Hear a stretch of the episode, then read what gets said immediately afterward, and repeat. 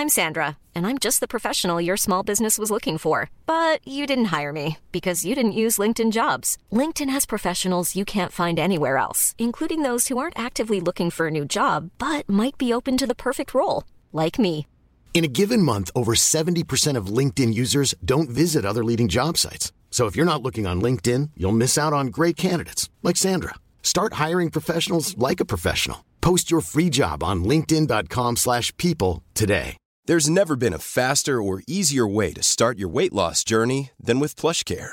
PlushCare accepts most insurance plans and gives you online access to board-certified physicians who can prescribe FDA-approved weight loss medications like Wigovi and Zepbound for those who qualify. Take charge of your health and speak with a board-certified physician about a weight loss plan that's right for you. Get started today at plushcare.com slash weight loss. That's plushcare.com slash weight loss. plushcare.com slash weight loss. Even when we're on a budget, we still deserve nice things. Quince is a place to scoop up stunning high-end goods for 50 to 80% less than similar brands. They have buttery soft cashmere sweaters starting at $50, luxurious Italian leather bags, and so much more. Plus, Quince only works with factories that use safe, ethical, and responsible manufacturing. Get the high-end goods you'll love without the high price tag with Quince. Go to quince.com slash style for free shipping and 365-day returns. I can discuss some of the psychological aspects of the case. You've got to get a hold of yourself. Now look here, Johnson, I'm going to get to the bottom of this.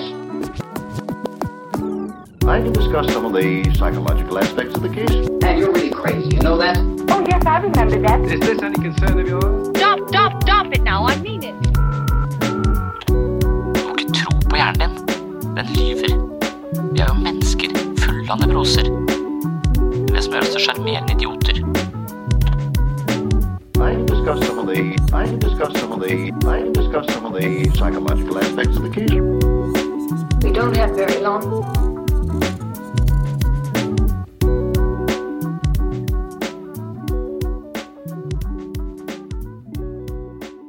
Evnen til å sette seg i andres sko er en viktig menneskelig egenskap, men med venner tar vi det til et høyere nivå. En gruppe ved University of Virginia studerte hjerneskanninger fra 22 forskjellige personer som ble satt i situasjoner hvor de måtte administrere små elektriske støt til seg selv, en venn eller en fremmed. Forskere oppdaget at hjerneaktiviteten til en person som selv står i fare, altså i dette tilfellet var faren at man snart ville få et elektrisk støt, versus den når en venn er i fare, i all vesentlighet er den samme. Vi har altså en lignende omtanke for venner som vi har for oss selv, mens dette endret seg når det kommer til fremmede. Det viser seg at det vi oppfatter som vårt eget selv, kommer til å inkludere de menneskene vi står nær. Mennesker nær oss blir altså en del av oss selv, og dette er ikke bare metaforer og poesi, det er veldig ekte. Bokstavelig talt er vi truet når en venn er truet, oppsummerer psykologiprofessor James Cohen som står bak denne studien.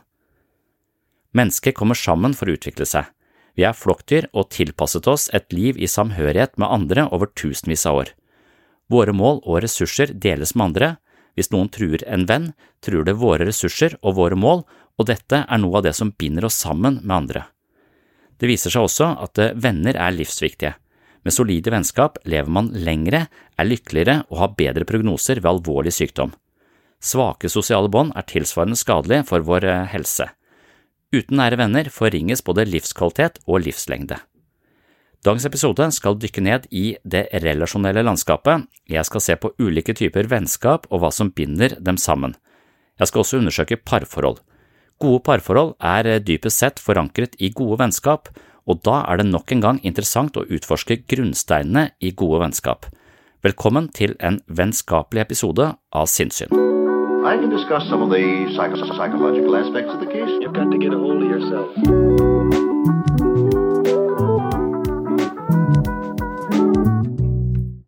Ja, da var temaet vennskap. Den som har skrevet mye om eh, vennskap, det er egentlig Aristoteles, har jeg funnet ut av. Jeg kan ikke skryte på om jeg har lest veldig mye Aristoteles, men jeg hører mye på Sven Brinkmann, og han elsker disse gamle greske filosofene. Så der får jeg noen inputs.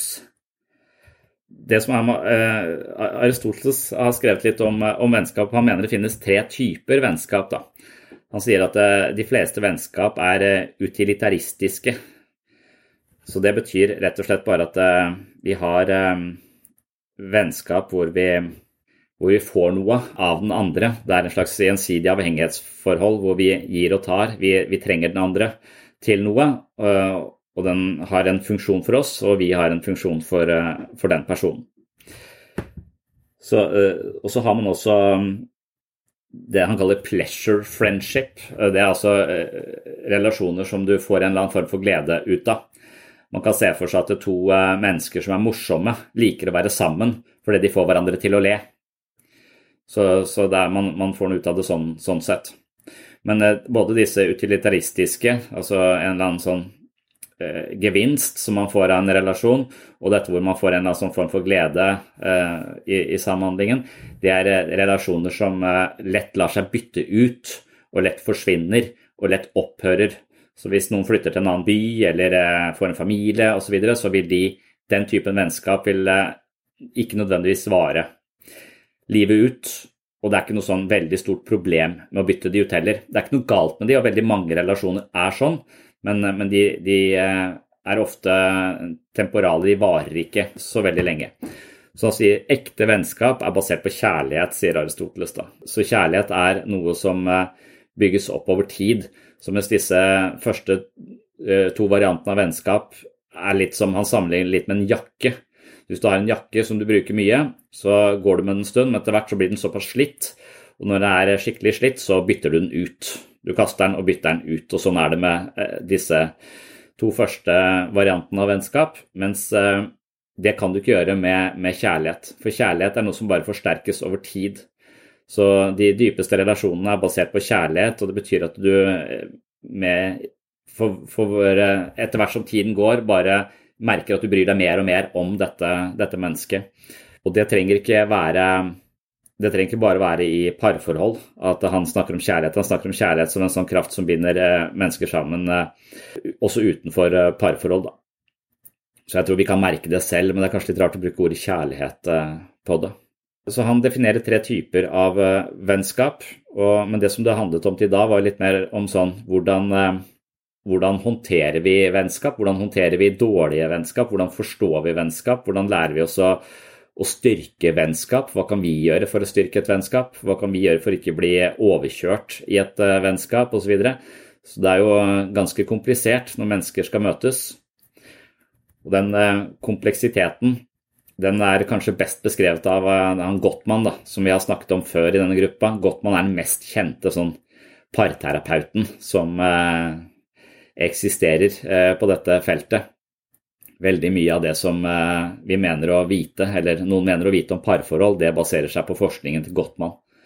Så Gottmann og kona de eh, driver og putter folk inn eh, over en periode på tror jeg, nesten 14 år. Så fanga de folk i det de kalte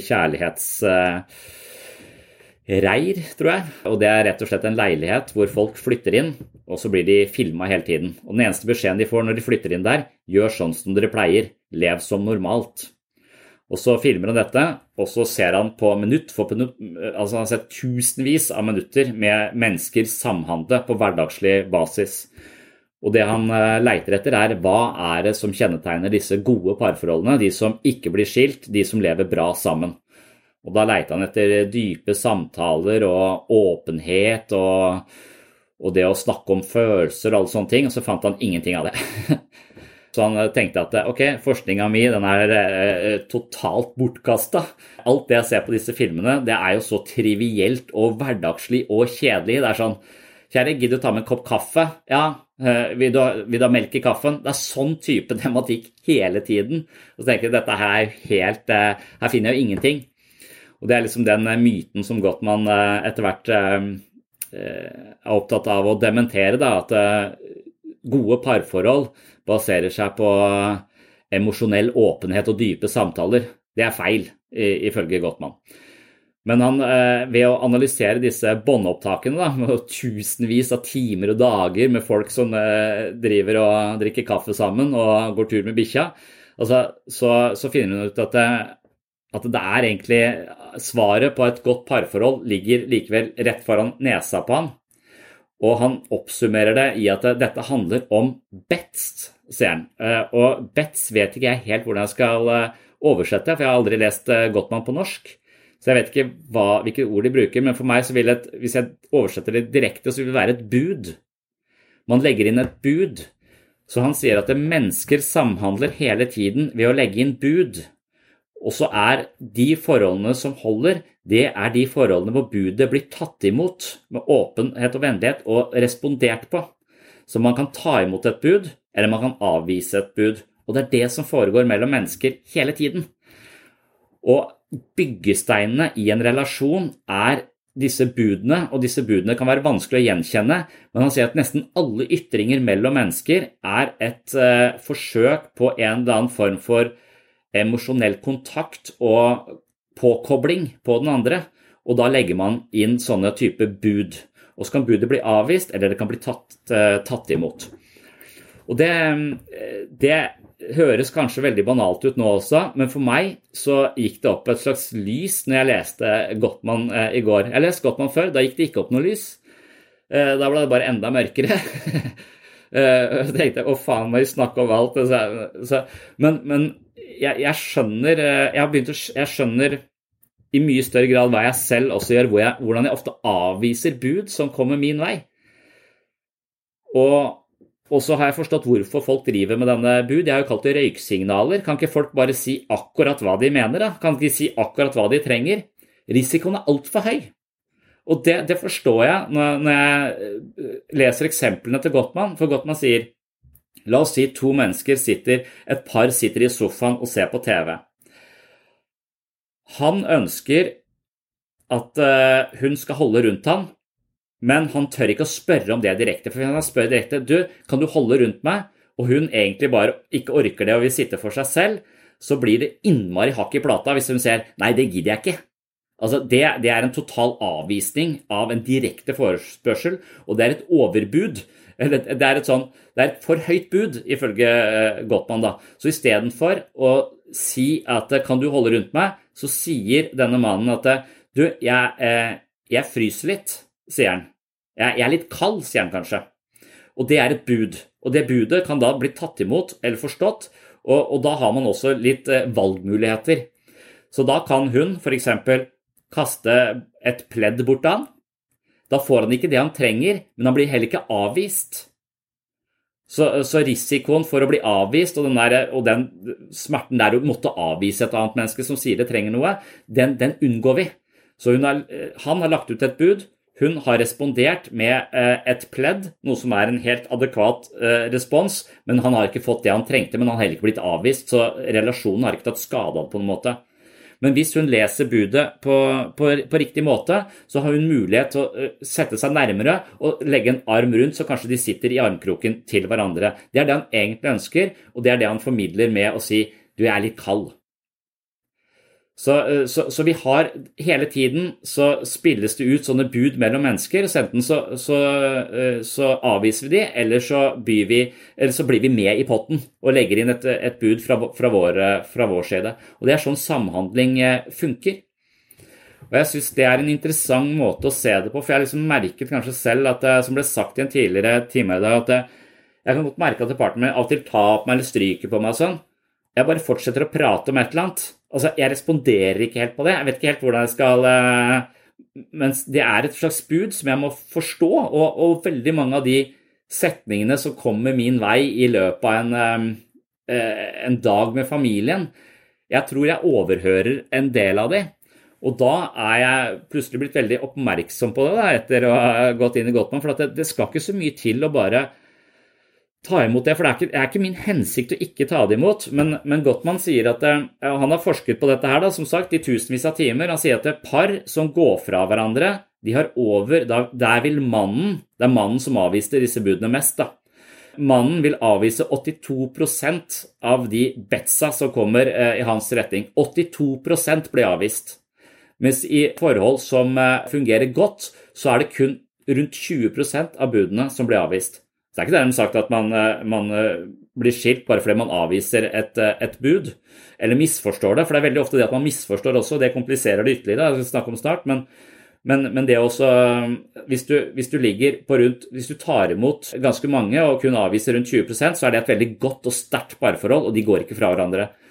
Så, så når Gottmann i, i løpet av ganske kort tid med et par kan avgjøre eller vite om de skiller seg eller ikke, for han har sånn 94 eh, treffsikkerhet på det. Så du kan møte Gottmann, så kan du snakke med han hvis du møter med partneren din, snakke med han i et kvarter, så vet han om dere blir skilt.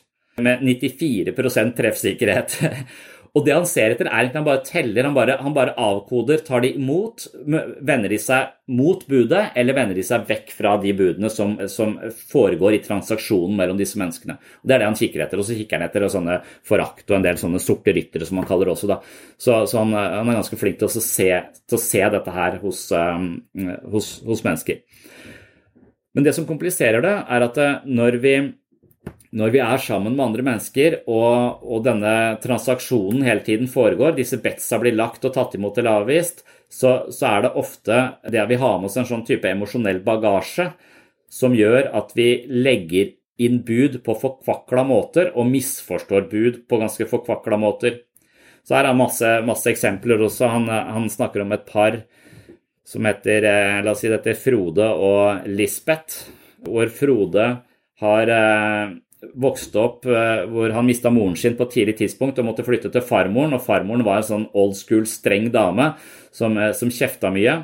Så når Frode sitter og f.eks. ser på TV-en, og, og Lisbeth ber han om å skru av TV-en, og hennes hensikt egentlig er jeg har lyst til å tilbringe tid med deg, kan vi snakke om noe, kan vi finne på noe sammen, så opplever eh, Frode dette budet som Eh, skru av TV-en, eh, eh, du er helt udugelig, du sitter bare, du er lat. Du er, altså, han opplever det som en ganske krass kritikk, da, mens det egentlig ikke er ment som en krass kritikk. Og Lisbeth hun, hun er eh, nummer seks i en søskenflokk på sju, så hun er opplært til å si du, alle, vi kan ikke ta hensyn til alles behov, så folk må tilfredsstille egne behov og holde behovene sine for seg selv, ikke meddele det til andre. Så Det er det hun driver med. Hun sier ikke noe om hva hun trenger. Det klarer hun sånn ca. 14 dager, for så å eksplodere. Så der har du to, to, sånne reaksjonsmønstre som møtes, og som misforstår hverandres bud. Når hun egentlig legger inn et bud om kan vi snakke sammen, kan vi finne på noe sammen, kan vi være sammen, kan vi koble oss på hverandre, så opplever han det som kritikk og en slags eh, indirekte beskyldning for å være lat og sitte og se på TV-en hele tiden. Så, så, så de, de, avkoder ikke hverandres bud på noen god måte i det hele tatt. Så det som, uh, som er tipset, er selvfølgelig også å vite hva er det hva er det med min måte å legge inn bud på som gjør at andre misforstår meg? Og hvor har jeg det fra? Hvordan har jeg lært å legge inn disse budene? Og hvordan responderer andre på de? Samtidig, hvis vi forstår, andres, eh, hvis vi forstår litt av andres kontekst, hvor de kommer fra, hvis vi skjønner at de er en, en person i en søskenflokk på syv stykker, hvor du naturlig nok ikke blir sett og hørt så innmari mye fordi du deler oppmerksomheten på sju, istedenfor å være to søsken f.eks., så kan du vite at dette er et menneske som har vanskeligheter med å uttrykke hva vedkommende, vedkommende trenger. Og da må vi kanskje leite etter det behovet i de budene som kommer, for de er jo maskerte. Og, det at de maskerer disse budene, det, det, henger jo sammen med det vi snakket om sist. at det, det motet til å være sårbare, altså som Brené Brown mener vi bør bare ha mer av. Vi bør våge å være mer sårbare. Og det er jeg for så vidt enig i, men samtidig så, så gjør det situasjonen ganske farefull. da, fordi at idet du er mer direkte på akkurat hva du trenger, så vil avvisningen også bli så eh, Hvis den andre personen ikke kan, eh, kan tilfredsstille det eller ta imot det, så, så, tvinger du vedkommende til en slags direkte avvisning. Og det, det kan være ganske vondt for begge parter. Så det å maskere disse budene, det, det gjør det litt uh, tryggere, men det gjør også at man er nødt til å lese litt mellom linjene og, og, kanskje forstå det som bud. Hva er det egentlig vedkommende byr på nå? Og det er den måten jeg har begynt å tenke på. Altså, Er dette et skambud? Er det et, et, et god pris? Altså, Jeg kan tenke litt sånn på det. Små ytringer som, som et forsøk på connection. For jeg tror veldig ofte det er et forsøk på connection, og så tror jeg altfor ofte jeg også opplever det som en indirekte kritikk eller et eller annet, så jeg avviser de budene. Og, og hvis du da bikker 50 på avvisning, så står jo hele ekteskapet i fare. Må ned på 20% for å ha et godt eh, parforhold. Er du oppe på 80 så er du, er du skilt. Eller så, av, så har du drept partneren din, kanskje. ligger begravd i kjelleren. For det er så mye avvisning. Det jeg snakker om nå, er litt hvordan kan vi styrke de relasjonene vi har. Og for meg så gjaldt det å tenke på hver eneste ytring som en slags bud. Som, eh, som jeg er nødt til å Jeg kan forstå det umiddelbart, jeg kan respondere, men, men idet jeg responderer vennlig uansett, da, så tar jeg imot budet. Og jeg styrker relasjonen. Interessant, kanskje det er litt mer sånn i Aristoteles eh, sitt perspektiv, da, at eh, disse utilitaristiske vennskapene kan bli skeive. Så vennskap basert på at noen trenger noe av deg, det, det er litt uh, skjørt, og det kan bli litt uh, ubalansert. For den ene kan uh, gi mer enn den tar, og da blir det en slags Ja, det blir ubalanse i regnskapet. Og hvis det da er snakk om helt fysisk å låne bort penger, så vil det jo være Da vil det ha plutselig koblet inn en helt klar valuta på det hele. Og det jeg, jeg, vet ikke, jeg husker alltid at det, det, er en av de få tingene jeg husker moren min sa til meg, at det er dumt å låne bort penger til venner. Og jeg syns det hørtes ut som litt dårlig gjort å ikke låne bort penger til venner. Men kanskje hun er inne på noe. Jeg vet ikke om det skal være sånn kategorisk at du aldri skal gjøre det, men jeg kan godt forstå at det lett kompliserer, eh, kompliserer ting, da. Du har plutselig fått et tall på, eh, på en form for balanse der. Og det er den samme valutaen som vi har som det, for, det, foreligger kanskje en sånn i de type vennskapene da, som er basert på, på en eller annen form for gevinst hos, hos begge parter, så er det jo et eller annet skjult regnskap der. Og det kalles uh, ifølge Freddan fra Solsida for uh, Er det Cuscados han kaller det? Og det er denne skjulte valutaen som, uh, som, ligger også i familiesystemer, som handler om at hvis han skal ha råd til å spille golf på søndag, så må han ta barna tre ettermiddager både onsdag, torsdag og fredag. Og kanskje være en god del med barna på lørdag også, for å, for å ha nok huskados til å spille golf på søndag uten å bli få straff, som er da å bli, få dårlig samvittighet. Og, og, og den typen samhandling hvor vi har en sånn skjult regnskap hvor den ene Og det regnskapet, så lenge det ikke er liksom tydelig, så, så, er det sånn Jeg mener at du skylder meg eh, åtte Cuscados fordi jeg klippet plen og hadde barna i går mens du var og jogga. Så da, da vil jeg ta ut dette nå i eh, å gå ut og drikke øl med kamerater. Så, men så kan det være at den andre har Ja, men det var jo fordi du skyldte meg fra dagen før. Altså, men det blir ikke snakket om på den måten. Men jeg tror denne underliggende følelsen av å eh, ha gjort mer eller mindre enn den andre, også er ganske sånn skadelig for eh, både vennskap og parforhold. da. At man driver og regner på. Men det er jo, hvis man driver og regner på hvem som har gjort mest i et parforhold, så er man jo ikke i kjærligheten, ifølge Aristoteles. For kjærligheten baserer seg ikke på den. Den, den, den er ikke opptatt av det regnskapet, fordi den vil den andre vel. Og, og den, så det, er noe annet enn en transaksjoner mellom mennesker. Så, så, når man merker at man driver og holder sånne skjulte regnskap, eh, i hvert fall med partneren sin, da, så kan man tenke at oi, nå, nå har jeg denne typen eh, relasjon her som eh, lett opphører, ifølge Aristoteles i hvert fall. I can discuss some of the psychological aspects of the case. You've got to get a hold of yourself.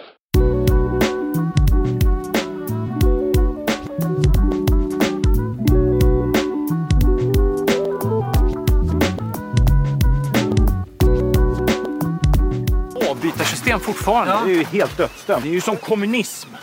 Det är en fin teori men det är omöjligt i praktiken. Ja, vad fan ska, hon har ju sagt nej till poängsystem. Vad ska jag göra liksom? Prova Euskados då. Euskados? Ja. Vad är det för något? Man inför en valuta familjen. Låter man hela hemmet bli ett eget ekonomiskt system där man låter familjemedlemmarna värdera tjänster hemma mot valutan. Men alltså hur funkar det i praktiken? Jag fattar inte. Vadå? Att man... Jo, du tjänar skados på hemarbete som du sen använder i byteshandel. Ta till exempel lämna på dagis. Va? Då, Det är inte så jobbigt. Då kanske du tjänar 100 skados. Uh -huh. Däremot att torka spyor efter vinterkräksjukan, det är inte så kul. 10 000 skados. Samlar du på dig skados över tid, Aha. vilket kan vara jävligt bra i influensatider, då kan du få en jävla hävstång på pengarna. Aha. Se bara till att inte skaffa dig för stor valutabank. Marcus Karinder, han hade ju dragit in två miljoner i Skados. Han kunde i princip ha dragits tillbaka från hemarbete resten av livet. Och stack ju Jeanette med sin jävla PT. Så satt ju han där med två värdelösa miljoner. Kan ju liksom inte plocka med dig valutan in i ett nytt förhållande. Nej, nej, det förstår jag. Sen promenad har jag värderat till 200 Skados. Men det, där får ju du säga vad du tycker att det är värt. Mm. Det beror ju... Nej men då kan vi, vi kan skriva någonting om hur många Uskados man får för att umgås med din mamma då till exempel. Nej men snälla, min mamma. Vad har hon... men snälla, det kanske känns avgiftsfritt för dig Alex. Men för mig blir det väldigt dyrt. Oj vad taxametern tickar på då. Vi pratar ju för fan hushållsarbete här. Du och jag som föräldrar med barnen. sitter med henne i telefon och hon ska tala om någon jävla läkarhistoria? Vi, kan vi inte bara prova det här systemet en vecka? Ska det vara så jävla svårt att prova någonting? Förlåt, vi provar detta då Alex. Ja. Vi, jag, jag är med, vi provar detta, okej? Tack. Vem tar henne nu då enligt kamren? Ja men jag, jag kan ta henne till Mm, exempel. vad bra. För 100 skados. För hundra us... Ja. Men det, Ja. det blir ju skitmycket. Så mycket kan du väl inte ta för Det är väl inte för mycket med 100? Men ta henne du då. Du får ta henne. Hur mycket vill du ha för den? Ja, då tar jag ju naturligtvis hundra. 100? Men du sa att det var för mycket när du satt där. Du tyckte det var ett Ja, vi överpris. tänk, nu är jag kvinnan. Kvinnan går ner i pris. Det har väl inte med det att har göra? det väl. Okej, förlåt. Jag tycker vi, vi gör så. ja. Ta henne för 100. Det är lugnt. 145 ska jag ha. Det kan kamrern anteckna. Skriv ner Yes, du, jag, jag bjuder dig på några, några goodwill-skados här. Jag skriver 150 här skriver jag. Det. Godnatt då hjärtat. Nej men du, du inte godnatt än va? Nej men jag är inte sugen nu Alex. Ja, men jag är inte... Ja men du kan bli Nej, men jag är- Mm. Ja, men jag tror inte jag blir det idag. hörru. Du. Jo, hörru. Du, vet du vad vi säger då? Ja. Tusen i skados. Så får du ett litet ligg. För vad då? För ett För ett ligg? ligg, ja. Vadå? Tusen uskados För ett ligg? för ett ligg, ja. Ska jag betala pengar för ett ligg? Ja. Ska, jag betala, ska jag betala för ett ligg? Skämtar du med mig? Nej men lilla rara älskling, nu har gud. vi ju ett valutasystem här. Alltså. Du är jättesugen, jag är inte sugen. Då säljer jag det här till Det är dig. ju inte klokt det här! Vadå inte klokt? Ska jag köpa sex av min egen ja, fru i mitt eget göra? hem? Vet du vad? Vi kan göra så här. Du kan få tre ligg, 2000 i skados. Och, lyssna på den här, en fransk under täcket. Nej, det är fan Och så bra humör är jag ikväll, Ja, förstår du, du. tack för det. Tack för det erbjudandet. Tack gumman. Tack. Oh. Ett provligg för 650, så Ja, får men- du se om du tycker det funkar. Är det bara jag s- Det är ju bara jag som håller på ju för fan. Du Ja, ligger ju som en jävla död sill här. Ja, men nu avbröt jag. Jag tänkte ju säga, mm, vad skönt det är, tänkte jag säga. Det säger du bara. Nej. Det säger du för att jag har betalt. Du Nej. säger inte det för att du tycker det. Nej, det säger jag Jo, det gör du. Du säger, jag märker det på dig. Kör nu istället. Det går jättebra det här tycker jag. Det här går inte bra. Nej, det här går Men inte vad är det nu då? Jag mår dåligt. Det här- det här men går vad är det nu? Det var väl jättebra det Nej, här? jag tycker det jag känner mig smutsig. För fan. Jag känner mig jättesmutsig. Jag går och duschar nu. Jag orkar inte. Man, you're really crazy. You know that? Oh, yes, I remember that. Ja, men det er jo, det er jo helt, eh, helt reelt. da. Hvis du, du tenker at du er såpass lite verdt at du uansett må gjøre alt den andre sier, fordi du, du, du egentlig har lån på fire millioner Cuscados i utgangspunktet. Det er sånn du kommer inn. Du kommer med studielån, liksom. Eh, Fra, så du har, du har ikke noe overskudd.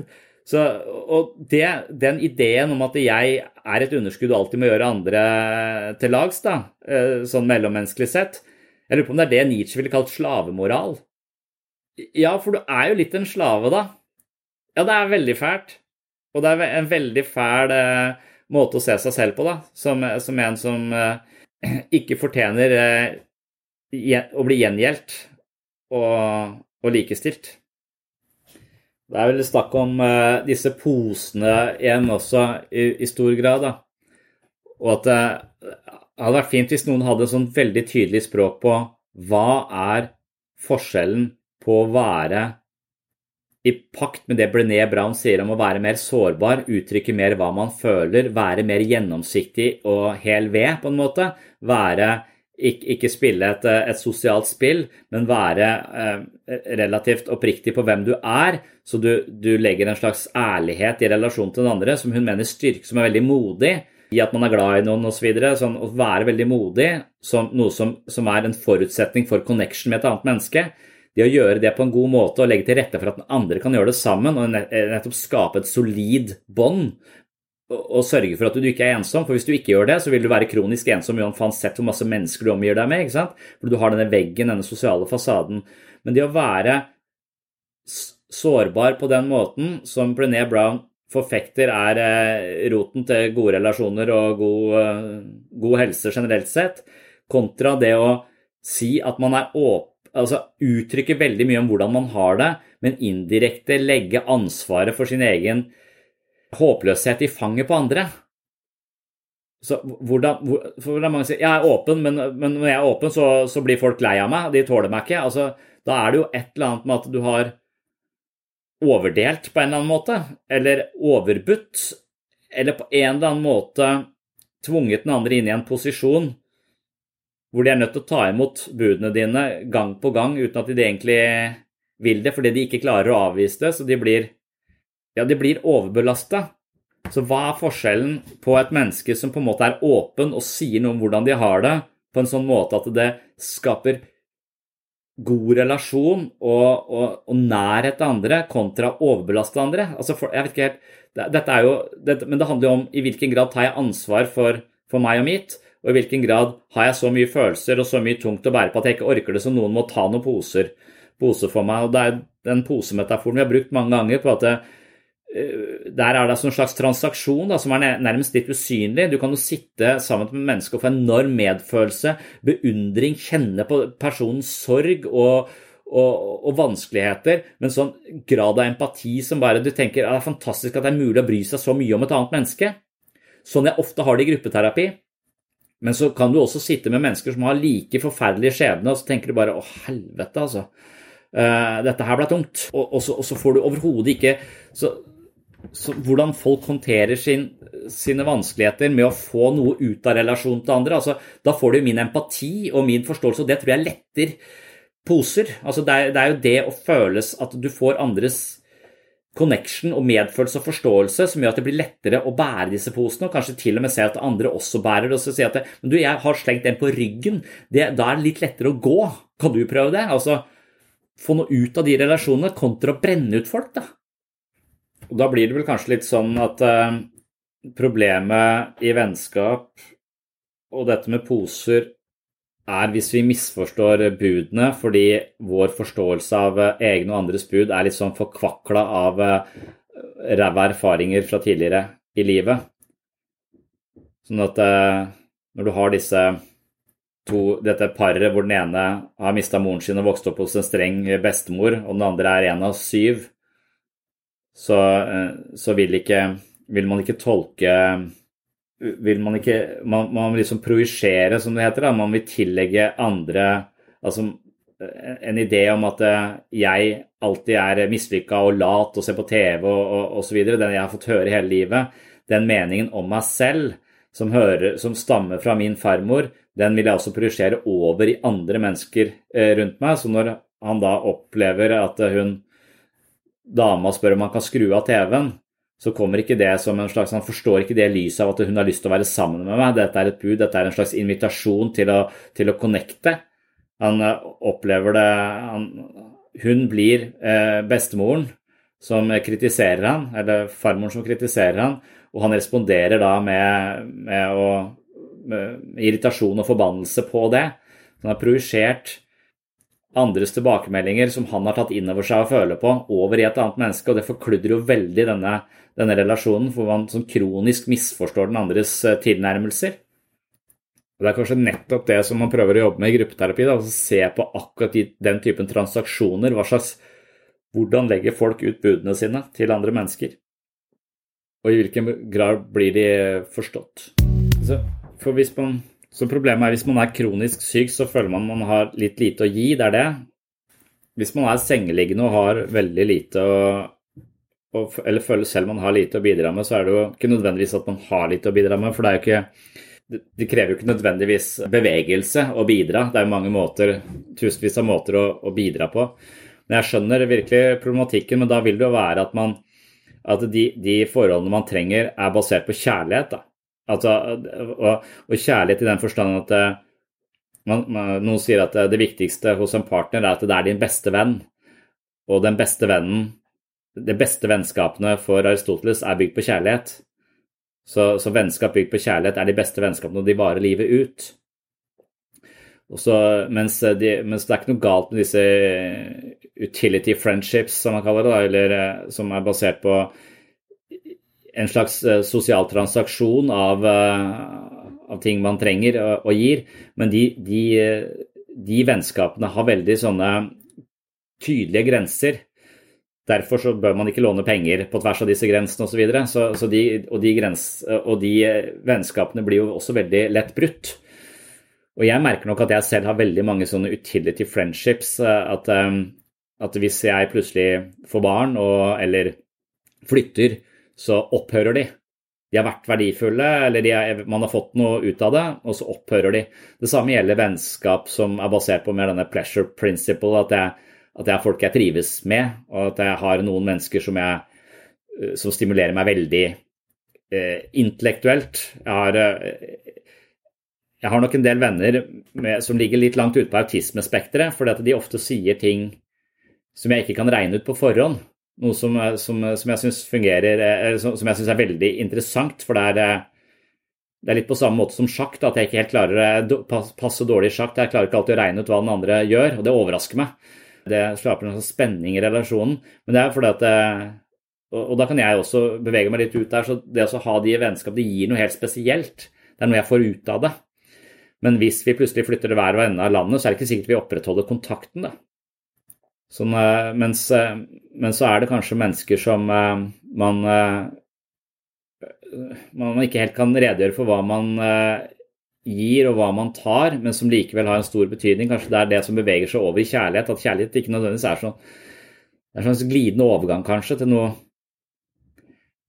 Jeg lurer på de forholdene man har til folk, sånn som man blir godt kjent med i gruppeterapi, egentlig dypest sett langsomt baserer seg på kjærlighet i første omgang så får, Det man får, er jo tilbakemeldinger på seg selv. Det er liksom valutaen i en type gruppeterapi.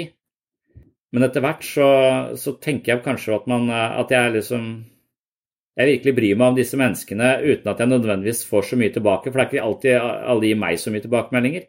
Men at jeg likevel har en sånn sterk følelse for at jeg bryr meg, og at det da nærmer seg noe som ikke handler om eh, et eller annet sånt pleasure eller utility, men noe, noe annet. Er jo selvfølgelig en arbeidssituasjon, og så kan man si at ja, du får, eh, det, det er, du får lønn av sykehuset. Jeg tenker aldri på det. Eh, at det så. Men hvis man føler at man, hvis man ligger helt er på en måte sengeliggende og, og ikke har noe å, å gi, er det liksom, tenker du at det da er er det et faktum, eller er det basert på I hvilken grad er det fordreid av ens egen mentalitet da, og håpløshet knytta til egen situasjon?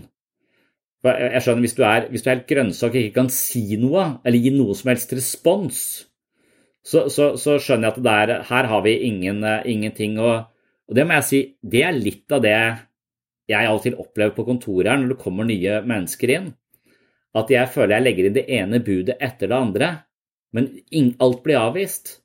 Altså, det er, det er ingen eh, respons. Du, det er nesten sånn at jeg av og til føler at, det, at jeg har kledd meg naken og står og danser, mens de bare står og stirrer på meg. Altså at jeg er eh, Jeg febrilsk prøver å legge inn bud for å skape en eller annen connection, men, men så, så, er, så, så er det som om de bare avviser alt. Ikke fordi at de er dårlige mennesker, men fordi de er så redde at de er lukka helt igjen, så frykten gjør at de ikke tar imot eller responderer på et eneste bud. Og jeg tenker Det er derfor du er så sykt ensom i livet ditt også. fordi at det, hver gang det kommer et bud din vei, så, så blir du eh, overvelda nærmest. da. Men, eh, men, det er en slags Av og til så har jeg sagt at det er nesten Noen ganger så får jeg folk på kontoret, så, og jeg får mer ut av potteplanta borti hjørnet. Altså potteplanta mi, det er en busk, gir meg mer respons enn det noen mennesker her inne gjør. Fordi de blir så redde i møte med meg, tydeligvis, kanskje.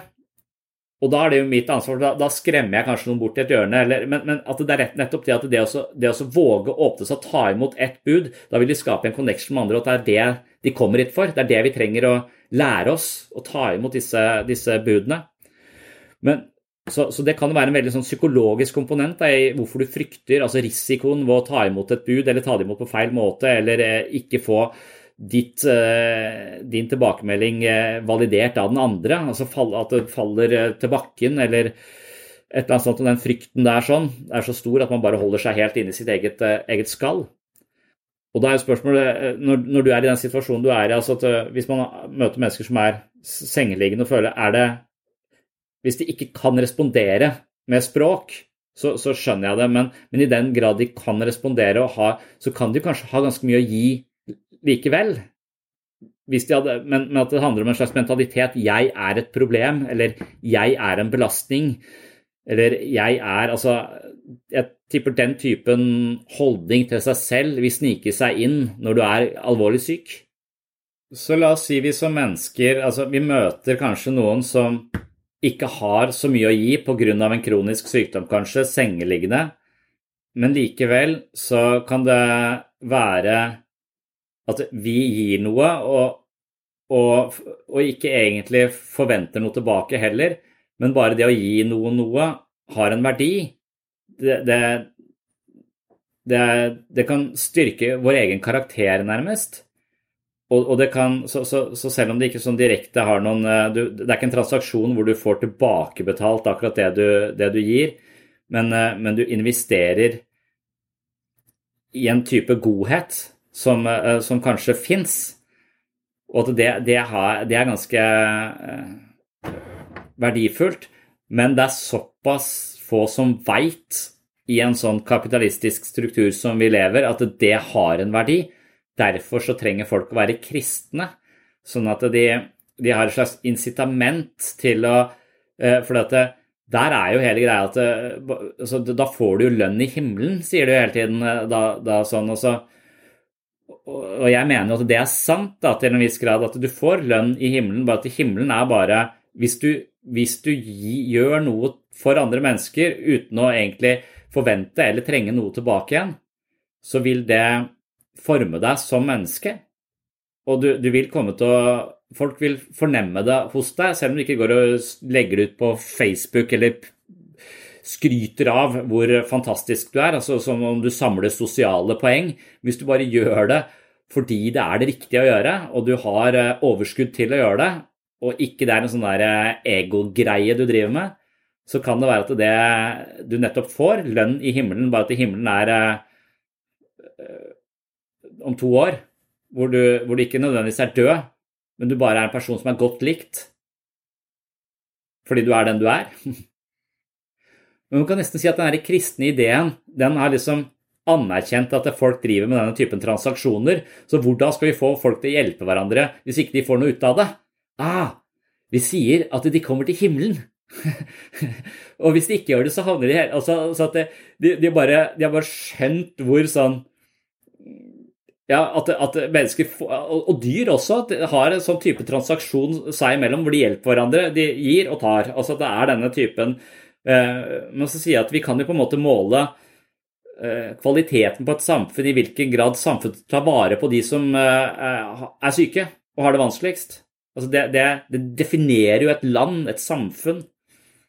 Det definerer kanskje også mennesker også, men i og med at vi ikke skjønner at vi havner i himmelen i livet, så må vi ha sånne lurehistorier hvor man kan samle poeng til himmelriket som man skal vise til Sankt Peter. Nå skal du høre her. Hun på gamlehjemmet her var jeg nesten hver uke i tre år. Ja, det er, da, er, da får du VIP-plass, da. da. Men når man driver på den måten, så tror jeg dessverre ikke man, eh, man har forstått hva det dreier seg om.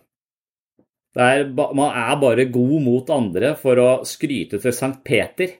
Og Sankt Peter er Facebook. Sankt Peter er alle de som skal berømme deg for alt det flotte du gjør for andre. Mom deserves the best, and there's no better place to shop for Mother's Day than Whole Foods Market. They're your destination for unbeatable savings, from premium gifts to show-stopping flowers and irresistible desserts. Start by saving 33% with Prime on all body care and candles. Then get a 15-stem bunch of tulips for just $9.99 each with Prime. Round out Mom's menu with festive rosé, irresistible berry chantilly cake, and more special treats. Come celebrate Mother's Day at Whole Foods Market. Planning for your next trip? Elevate your travel style with Quince. Quince has all the jet setting essentials you'll want for your next getaway, like European linen, premium luggage options, buttery soft Italian leather bags, and so much more. And it's all priced at 50 to 80% less than similar brands. Plus, Quince only works with factories that use safe and ethical manufacturing practices. Pack your bags with high-quality essentials you'll be wearing for vacations to come with Quince. Go to quince.com slash trip for free shipping and 365-day returns.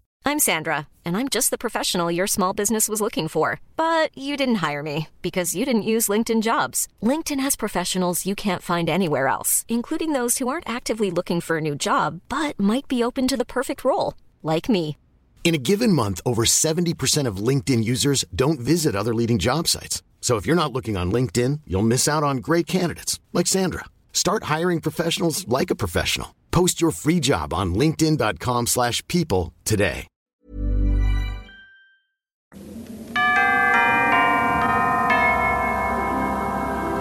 Velkommen, velkommen. Ja, dette var Synnøve Olsen. Det er mannen min, Olsen. Han har akkurat drept oss. Ja, jeg er klar over det. Kjørte ut av svingen han og rett på mannen og hundene hans. Jeg fikk sleng på Vær så god. Bare stig på, stig på. Uh, ja, en ulykke skjer jo så lett, så ta det rolig. For ordens skyld, det er ikke noe alkohol med i spillet, vel? Åh! Åh! Visst, ja. ja. Hvem er du, da, tror du? Offeret. Er du offeret? Den påkjørte. Altså. Den skader litt. Er du det? Ja. Det var meg de kjørte på. Nei. Det er ingen- det som kjørte på deg? Jo, hun kjørte av veien, også rett på meg og hundene mine. Nei, de kjørte på en statue av Roald Amundsen og hundene hans. Og de eneste mennesker de drepte, det var seg selv og ikke deg. Du prøver deg om igjen. Du gir deg ikke. Hva? Det er ikke måte på din frekkhet, Fleksnes. Men det er jo lov å prøve seg. Men du slipper jo inn alle andre. Du slipper kjeftesmeller og fyllekjør og greier. Jeg er en engel jeg, i forhold til de der to der. Jeg tror du måtte forandre deg svært før du kunne bli noen engel, Duger. Å ja, ja, men slipp meg inn, skal vi se. Forandringen inntreffer momentant. Å nei, det gjør den slett ikke når det gjelder deg. Det skal nok større ting til før du forandrer deg. Og mennesker forandrer seg hele tiden. jeg. Gjør det det? Oi, oi, oi. Jeg har et, et, et, et eksempel på det. Nå skal vi se. Å ja, kan du knipse, for jeg er skadet.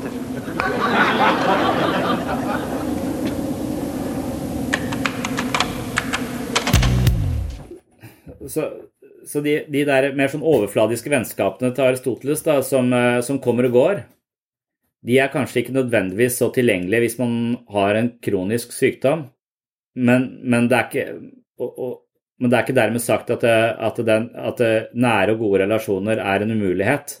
Det er bare hvis man ser på de overfladiske, de to første stadiene og de mest overfladiske og flyktige vennskapsforholdene. da. Men at de, han sier de er ikke uten verdi, det er sånn de fleste relasjoner er, men der de ekte vennene er basert på kjærlighet, og at det, det vil være tilgjengelig for, for alle, uansett hva du har å gi, for det betinger ikke at du har masse å gi. Det baserer seg på noe helt annet. Og hvis man velger å investere i en sånn relasjon hvor man vel vitende at det her får jeg ikke Dette er ikke en transaksjon hvor jeg får masse tilbake. Enten det er kanskje man er så sliten at man ikke har så mye å gi, kanskje ikke klarer å si det. Jeg får ikke masse vittigheter tilbake, men likevel så investerer jeg i dette fordi det gjør noe med meg som menneske på litt lengre sikt. Da. Så på en måte så er det en transaksjon i det òg, men det er bare en Den derre ideen om å gjøre noe for andre uten å si det til noen, den dukker veldig mye opp i ACT, som er en acceptance and commitment therapy, en av de sentrale øvelsene i ACT, fordi at man for at hele dette egoet vårt er uh, som regel alltid underskudd og basert på at jeg vil få det, og så vil jeg gi det. Så, så, det er en sånn lite sånn økonomisk system som ofte opplever at det enten skylder andre folk masse, eller er i totalt underskudd og trenger og fortjener noe fra andre hele tiden. Mens den der spiralen der sånn er bare en slags refleksjon av en kultur som er basert på at du aldri føler at du er god nok, og du aldri har nok, og du må hele tiden skaffe deg mer. Og Derfor så gjør vi også alt i en sånn form for mellommenneskelig transaksjon. Mens hvis du kan hoppe bukk over det jævla ego og bare gjøre noe for andre uten å prale om det på, i sosiale medier, så stimulerer du kjærlighet, og ikke en sånn der egoavhengighet. Så selv om det høres ut som en transaksjon det å gjøre noe for seg selv, så er det kanskje at man, hvis man gjør noe for andre uten å forvente noe tilbake, så, så stimulerer man kjær, en, kjærlighet. Man, man, legger inn aksjer i kjærlighet, og ikke i eh, egokapitalisme. Og underskuddsøkonomi og så, i, i, ego som, som, driver deg videre på en sånn der livets eh, tredemølle som du aldri kommer av, aldri får nok. Og ikke skjønner hva kjærlighet er engang. For du er så opptatt med å skaffe deg noe mer. Være annerledes. Gjør noe for andre uten å si det til noen. Er det Jeg har alltid sett på som sånn her Det høres så Jesusaktig ut, ass. Eller sånn men jeg, men jeg, forstår stadig mer verdien, verdien, av det. Jeg er jo sånn at jeg gidder ikke å jogge hvis ingen ser meg. Og så Eneste grunn til at jeg jogger, er at Terje, kollegaen her, skal jeg pleier å jogge forbi der. Hvis han ikke ser meg, så stikker jeg bare hjem. Da gidder jeg ikke. Da får jeg ikke har nullverdi. Nei, det er jo ikke, det er ikke akkurat sånn, for nå har jeg plutselig begynt å si at naturen har noe ved seg, sånn, så det er helt andre intensjoner. Men, eh, men jeg, kan, jeg, ser veldig forskjellen på å gjøre noe for å få en eller annen anerkjennelse på et eller annet ego som, eh, som trenger den eh, valutaen, kontra det å faktisk være bare genuint opptatt av å følge nærhet til naturen, f.eks., eller et eller annet menneske eller et eller annet sånt. Det er ganske stor forskjell. Er dette sånn som eldre mennesker har, bare skjønner?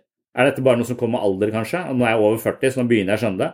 Før det så har jeg vært sånn forvirra høne i et eller annet sånn tivoli hvor jeg prøver å skaffe meg mest glitter og gull. Men Det er interessant det du sier, spørsmålet på hvilken side i en sånn relasjon ligger ansvaret?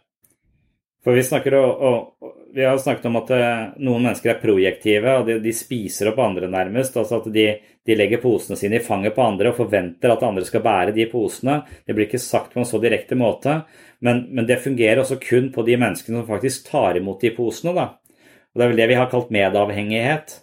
At noen, noen mennesker eh, har problemer med å sette grenser, eh, og dermed ta på seg altså, deres problemer og andres problemer, grensene mellom hva som er mitt og ditt. Det blir eh, utflytende, for det er ikke noen rammer rundt, rundt meg. Så det å ha sånne svake, svake rammer gjør det ofte medavhengig og overbelasta. Men samtidig så, så, vil den andre som også syns det er tungt å bære disse, bare bli svakere og svakere, for det vedkommende må aldri bære noen poser. Sånn at, eh, sånn at man, det er en sånn dobbelt dårlig måte å være på. For det, for det første så gjør den andre svak, og deg knekt. Sånn at eh, det du sier med å sette grenser og være mer tydelig på hva jeg kan og hva jeg ikke kan, og hva som er ditt og, ditt og, og mitt, og forhandle disse grensene underveis i en, en relasjon, er kanskje kjempe, kjempeviktig. For hvis ikke så, så blir én eh, svak og den andre knekt. Et fryktelig dårlig samarbeid.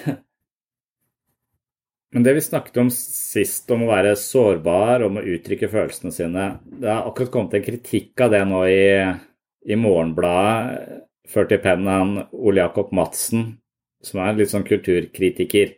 Både psykolog og filosof. Den artikkelen heter 'Sæd i øyet', som eh, er en litt eh, merkverdig tittel. Men han eh, er hele tiden opptatt av at denne typen psykologisering av ting, og, og, spesielt dette med å uttrykke følelsene sine osv., det er noe som ble veldig populært på 90-tallet med, med, Daniel Goldman og emosjonell intelligens. Den boka har solgt enormt mye, ikke sant. Så, men så kan det være at den emosjonell intelligens, det er Eh, ja, la oss si det er for de rike og privilegerte å uttrykke følelsene eh, sine. Og det er veldig avhengig av demografi. Så hvis du da bor i Bø og er råner, så vil ikke GT fra Rådebank altså tjene på å være mer oppriktig og, og, og snakke om følelsene sine. Og Hvis han snakker om følelsene sine, så vil de bare se rart på han. Ingen veit hvordan de skal ta imot det budet.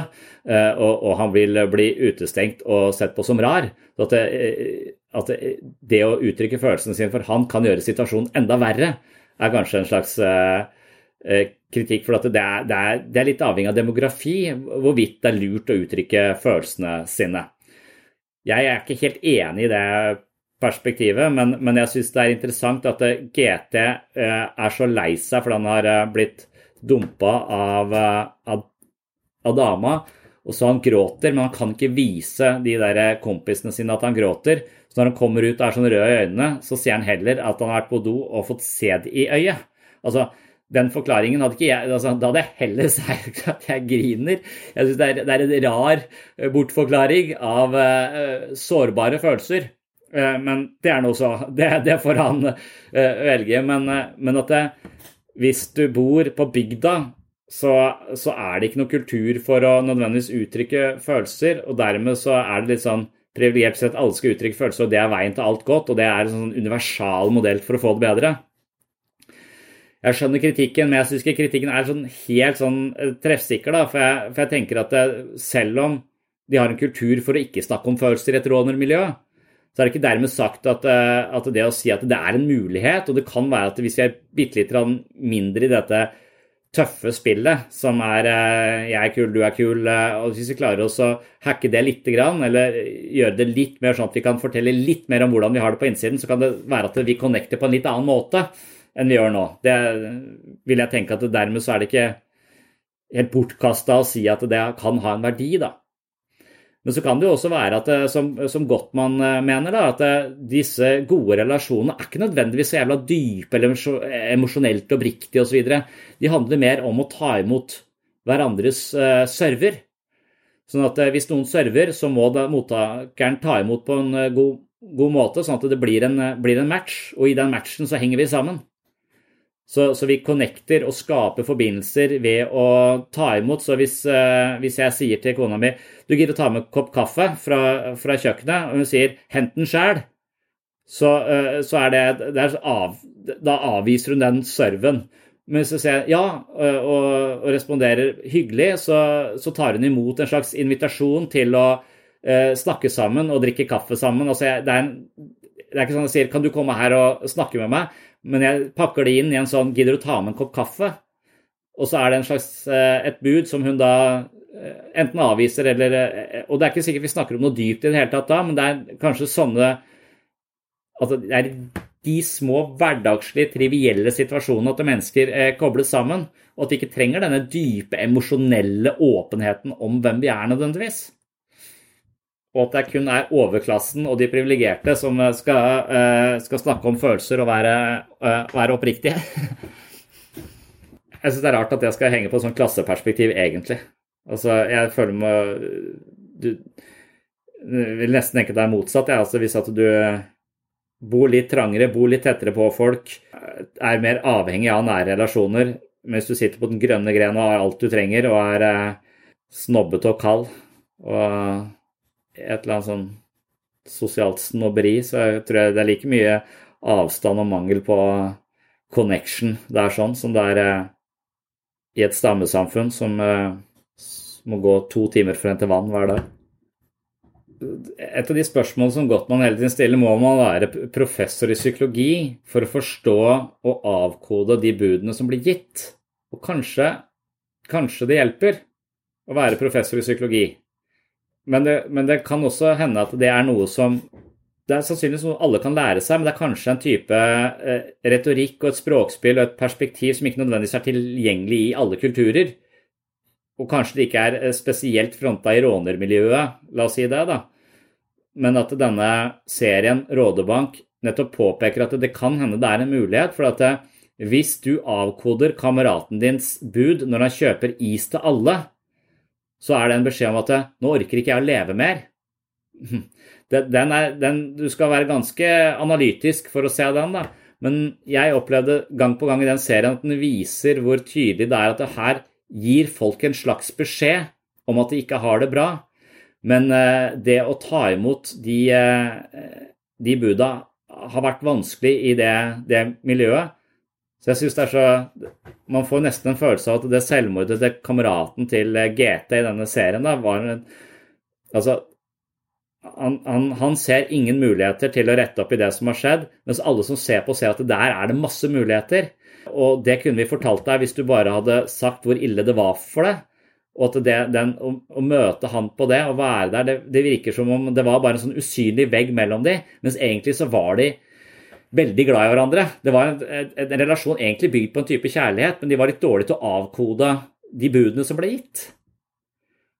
Og da er det kanskje en sånn klasseting. Ja, hvis du har gått lenge på universitetet og, og studert psykologi i 100 år, så har du kanskje en bedre forutsetning. Jeg vet ikke om du har en bedre forutsetning, men at det likevel bør frontes som en, en, et perspektiv eller no, et fokus som man kan se etter i møte med andre. Sånn at man av og til skal se litt etter ikke akkurat det som blir sagt, men også kanskje det som man kan forestille seg ligger i underteksten, eller rett under overflaten. Og at hvis man er god på det, så vil man kanskje styrke relasjonene sine ganske dramatisk, da. Og kanskje sørge for at man selv eller andre ikke dør. Og det tror jeg er mulighet selv om du bor i Bø, altså. Og jeg tror Bø er et fint sted, da. Det er ikke det. Råning! Du bli med bussen? Ja, når er det du får lov til å kjøre nå? Vet du, Han har blitt gåråner i to år til. Og for noen av dere her er ikke råning kultur av den rette typen. Greit nok, men denne kulturen er mer enn høy fart og musikk. Det er gode venner som tar vare på hverandre. Det er en dannelsesreise i sosialisering, investering Fy faen. Drømmebilen. Kjærlighetsliv og mye, mye mer. Jeg takler ikke sånne seriøse greier, jeg.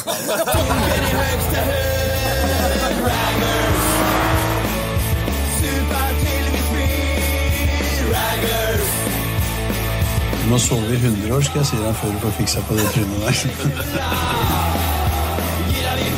Faen, er vi driver med,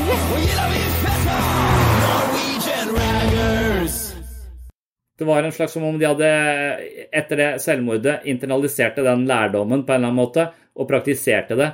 Hvor han plutselig da spør han andre ja, hvordan har du det egentlig, da? Og så begynner han å vri seg i stolen. Men til slutt så sier han det.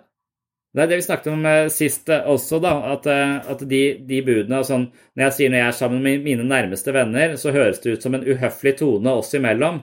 Men det er en type tennis som spilles som skaper connection. Så hvis de begynner å snakke til meg på en helt annen måte, så blir det plutselig sånn formelt. Det er som en slags utestenging hvis jeg ikke blir sånn småhakka på med sånne små, små kommentarer. Altså at man Noen tilsynelatende frekke kommentarer er egentlig et, et ganske eh, tydelig bud på at eh, jeg stoler på deg, jeg er glad i deg, du tåler dette, jeg respekterer deg.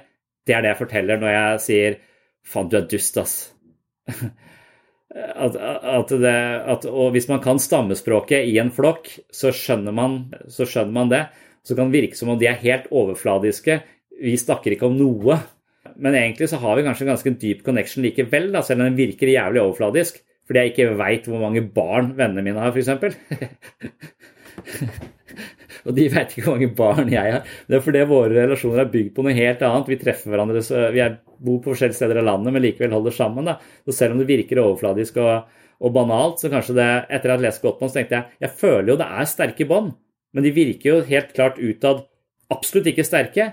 Og så tenkte jeg jo, men de er kanskje sterke likevel, i sin trivialitet og sine, sine små sånne måter å huke hverandre innpå og vise at man bryr seg, som man må virkelig jobbe litt for å forstå, men, men likevel ligger der, og det føles. Det er en sånn tanke om at ikke alle vennskap bør være så dype, men kanskje hvis vi ser etter altså Kanskje vi opplever at vi har overfladiske vennskap fordi vi aldri snakker om noe dypt, men kanskje de egentlig er ganske sterke likevel. Hvis vi, hvis vi bare leser noe annet inn i de budene som blir gitt, eller hvis vi forstår budene på båret frem av kjærlighet og ikke bare 'jeg trenger noe fra deg, og du trenger noe fra meg'. Har min squad, jeg har min klikk, jeg har mine main house. Du vet jeg gjør, mann. Du kjenner meg, bra. Jeg passer alltid på. Ja, klart det. Jeg kjenner. Er som Hvordan vi omgås venner er altså blant eh, de viktigste faktorene i et eh, både fysisk og psykisk helseperspektiv. De fleste av oss vet at eh, vennskap er viktig, men det er ikke sikkert vi vet akkurat hvorfor det er så viktig. Hundrevis av artikler i velrenommerte tidsskrifter kan begrunne relasjonens avgjørende plass i menneskelivet, og i dagens episode har jeg forsøkt å peke på noen av de elementene som gjør vennskapet så viktig. Et litt interessant eh, faktum, eller eh, fun fact kan man kalle det, sier at eh, i løpet av livet vil vi i gjennomsnitt få 396 venner, men kun én av tolv vennskap er langvarige. Hvis ikke vi har noen venner, viser det seg at det er svært helseskadelig. Det er faktisk skadeligere å være uten venner enn det er å røyke eller være overvektig. En studie fra 2004, publisert i American Social Review, kan fortelle oss at det gjennomsnittlige antallet fortrolige relasjoner mellom venner er redusert med en tredjedel i løpet av de 20 siste årene. Det er da en gammel studie, altså 2004, men trenden har dessverre fortsatt. I dag lever vi med enda færre fortrolige vennskap enn noensinne. I samme periode viser det seg at antall mennesker som ikke har noen fortrolige vennskap overhodet, har doblet seg. En annen interessant studie kan fortelle at mennesker som får alvorlige somatiske diagnoser, har bedre prognoser dersom de har et eh, solid sosialt nettverk. Ifølge en studie som er gjennomført over ti år ved Senter for alderdom ved Flinders University, viser at mennesker over 70 år med mange gode venner lever 22% lengre enn de som har færre venner og svakere sosiale bånd. Dette er altså livsviktig, og dersom du vil høre mer om vennskapets psykologi og hvordan man tilstreber sterkere bånd i eget liv, tar jeg tematikken videre i episode 35 på Patron. Episoden heter rett og slett Vennskapets psykologi. Dersom du velger å følge denne linken i shownotes til min Patron-konto, har du også mye annet i vente. På min Patron-side finner du over 100 andre poster fra denne podkasten. Her er det nærmere 50 ekstra episoder av sinnssyn, et tyvetalls episoder med mentale øvelser, mye videomateriale, og jeg leser bøkene mine kapittel for kapittel, slik at Patron til slutt huser lydbokversjonen av mine tre bøker. Hvis du finner verdi her på sinnssyn, vil ha mer sinnssyn hver måned og har lyst til å støtte prosjektet slik at jeg kan holde hjula i gang her på podkasten, er et abonnement på Patron av stor betydning. Du kan selv velge beløp per måned, og beløpet vil altså gi deg et medlemskap på mitt såkalte mentale treningsstudio. Jeg vil også nevne at et slikt abonnement kan avsluttes når som helst med et par tastetrykk. Og samtidig, så som vanlig, så benytter jeg anledningen til å takke alle dere som allerede er Patron-supportere. Det er lyttere som dere som sørger for at lyset er på her inne på Sinnsyn uke etter uke. Det er kostnadskrevende og tidkrevende å drive en podkast, men jeg elsker å drive med dette her, og dermed så skylder jeg dere Patron-supportere en stor takk. Det er dere som sørger for at jeg kan prioritere sinnssyn hver eneste uke, så tusen hjertelig takk for det. Det var det for denne gang. På gjenhør i neste episode. Oh, I'm just losing my mind, that's all.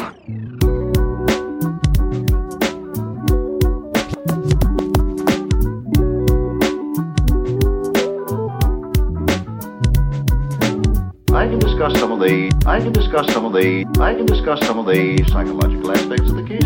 Psycho, psycho, psychological aspects